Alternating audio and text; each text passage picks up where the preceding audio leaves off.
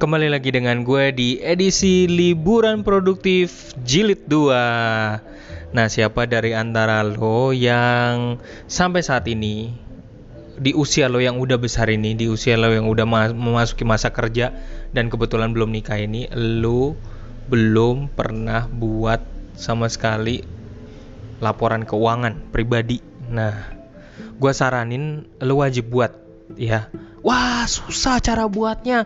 No no no no no. Hilangkan itu dulu. Kenapa eh, kembali kembali dulu? Kenapa menjadi hal penting buat lu bikin laporan keuangan? Lu sekarang udah punya gaji dari kantor whatever dari lu freelance atau mungkin gaji lu 8 juta di atas eh, di atas 20 juta segala macam. Dan ketika lu nggak pernah coba untuk buat laporan keuangan akhirnya lu juga bingung duit itu lari ke mana. Lu jajan apa aja lu ngebir apa aja lu nongkrong di mana aja. Dan akhirnya lo loss eh, apalagi kalau nggak pernah eh, bikin laporan keuangan di masa pandemik ini akhirnya lu juga bingung eh, ngatur keuangannya terus kemudian ke uang gua udah ke mana aja ya? Aduh di masa pandemik jadi sulit nih saat ini keuangan ya. Nah, ini hal yang penting banget, banget, banget, banget untuk membuat laporan keuangan, apalagi kalau misalnya lo sendiri juga belum eh, nikah ya, gitu ya, dan lo masih single. Caranya gampang banget. Oke, so lo siapin kertas. gue gue cuman ingat di masa kecil gue dulu ketika gue disuruh oleh mendiang papa gue suruh bikin laporan keuangan dan itu debit kredit terus kemudian kalau kita malam harus kasih laporan. Kalau misalnya nggak nyatet dapat duit nggak nyatet keluar nggak nyatet gitu kadang-kadang kita dipukulin pakai sapu dan uh, sapu dan uh, kayu ya gitu. Lo bisa dengar di podcast uh, seputar uh, bapak biasa ya gitu. Lo bisa lihat di son dengerin di sono uh, kisah gue kolaborasi dengan mereka cerita tentang keuangan di masa kecil gue dulu. Dan tapi gue juga nggak bakal nerapin hal itu di masa sekarang terhadap anak gue tapi gue punya tips-tips gitu. Ya. Nah kalau misalnya uh, bikin laporan keuangan simple aja gitu.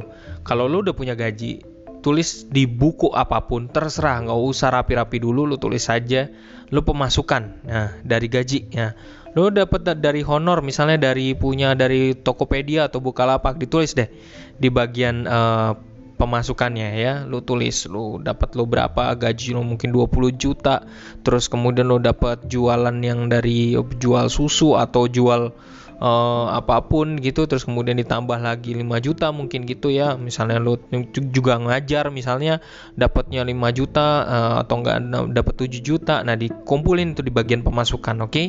Nah, coba lo hitung setiap bulan ketika lo udah mulai gajian, coba sampai nanti berikutnya lo gajian lagi, coba pengeluaran apa untuk pertama kalinya. Lo catat semua pengeluaran yang bakal terjadi untuk di satu bulan itu. Ya entah nanti harus bayar air, bayar kos, bayar bensin, bayar apa, bayar tol, uh, bayar cicilan, bayar apa lagi ya cicilan komputer, cicilan li listrik segala macam. Coba lo lo akumulasi, lo catat gitu di buku itu di untuk satu bulan itu ya. Nah nanti dari pemasukan dikurangi dengan pengeluaran yang lo punya. Nah di bagian bawah nanti lo akan ngelihat sebenarnya setiap bulan ya jadi lo udah memprediksi setiap bulan lo sebenarnya minus atau surplus Ya, gitu. Ya. Jadi sebenarnya lu udah bisa memprediksi untuk diri lo sendiri, ya. Untuk di masa depan satu bulan saat uh, di masa depan satu bulan berikutnya lu udah bisa memprediksi gue bakal surplus atau minus nih, gitu. Karena dari sini, dari dengan lo membuat laporan keuangan, lo akan diperlihatkan bagaimana gaya hidup lo sendiri, gitu, ya. Uh, lu sebenarnya punya kemampuan nggak untuk nabung? Lu sebenarnya kalau udah tahu ternyata minus bukan karena gaya hidup lo tapi ternyata lo minus lalu apa yang harus lo kurangin? Atau harus gue buat tindakan apa supaya uh, supaya uh, keuangan gue surplus untuk bulan depannya? Nah ini menjadi hal penting. Itulah sebabnya mengapa laporan keuangan itu menjadi hal penting. Gue baru ngerti mungkin papa gue dulu keras sama gue waktu gue kecil tapi ternyata dia punya maksud tertentu untuk mengajarkan uh, hal mengenai membuat laporan keuangan ya. Jadi laporan keuangan membantu kita bukannya membuat ketakutan tapi membantu kita memprediksi satu bulan ke depan bagaimana tentang uh, kondisi keuangan kita sendiri. Oke, begitu dulu edisi liburan produktif gua yang part 2 ini.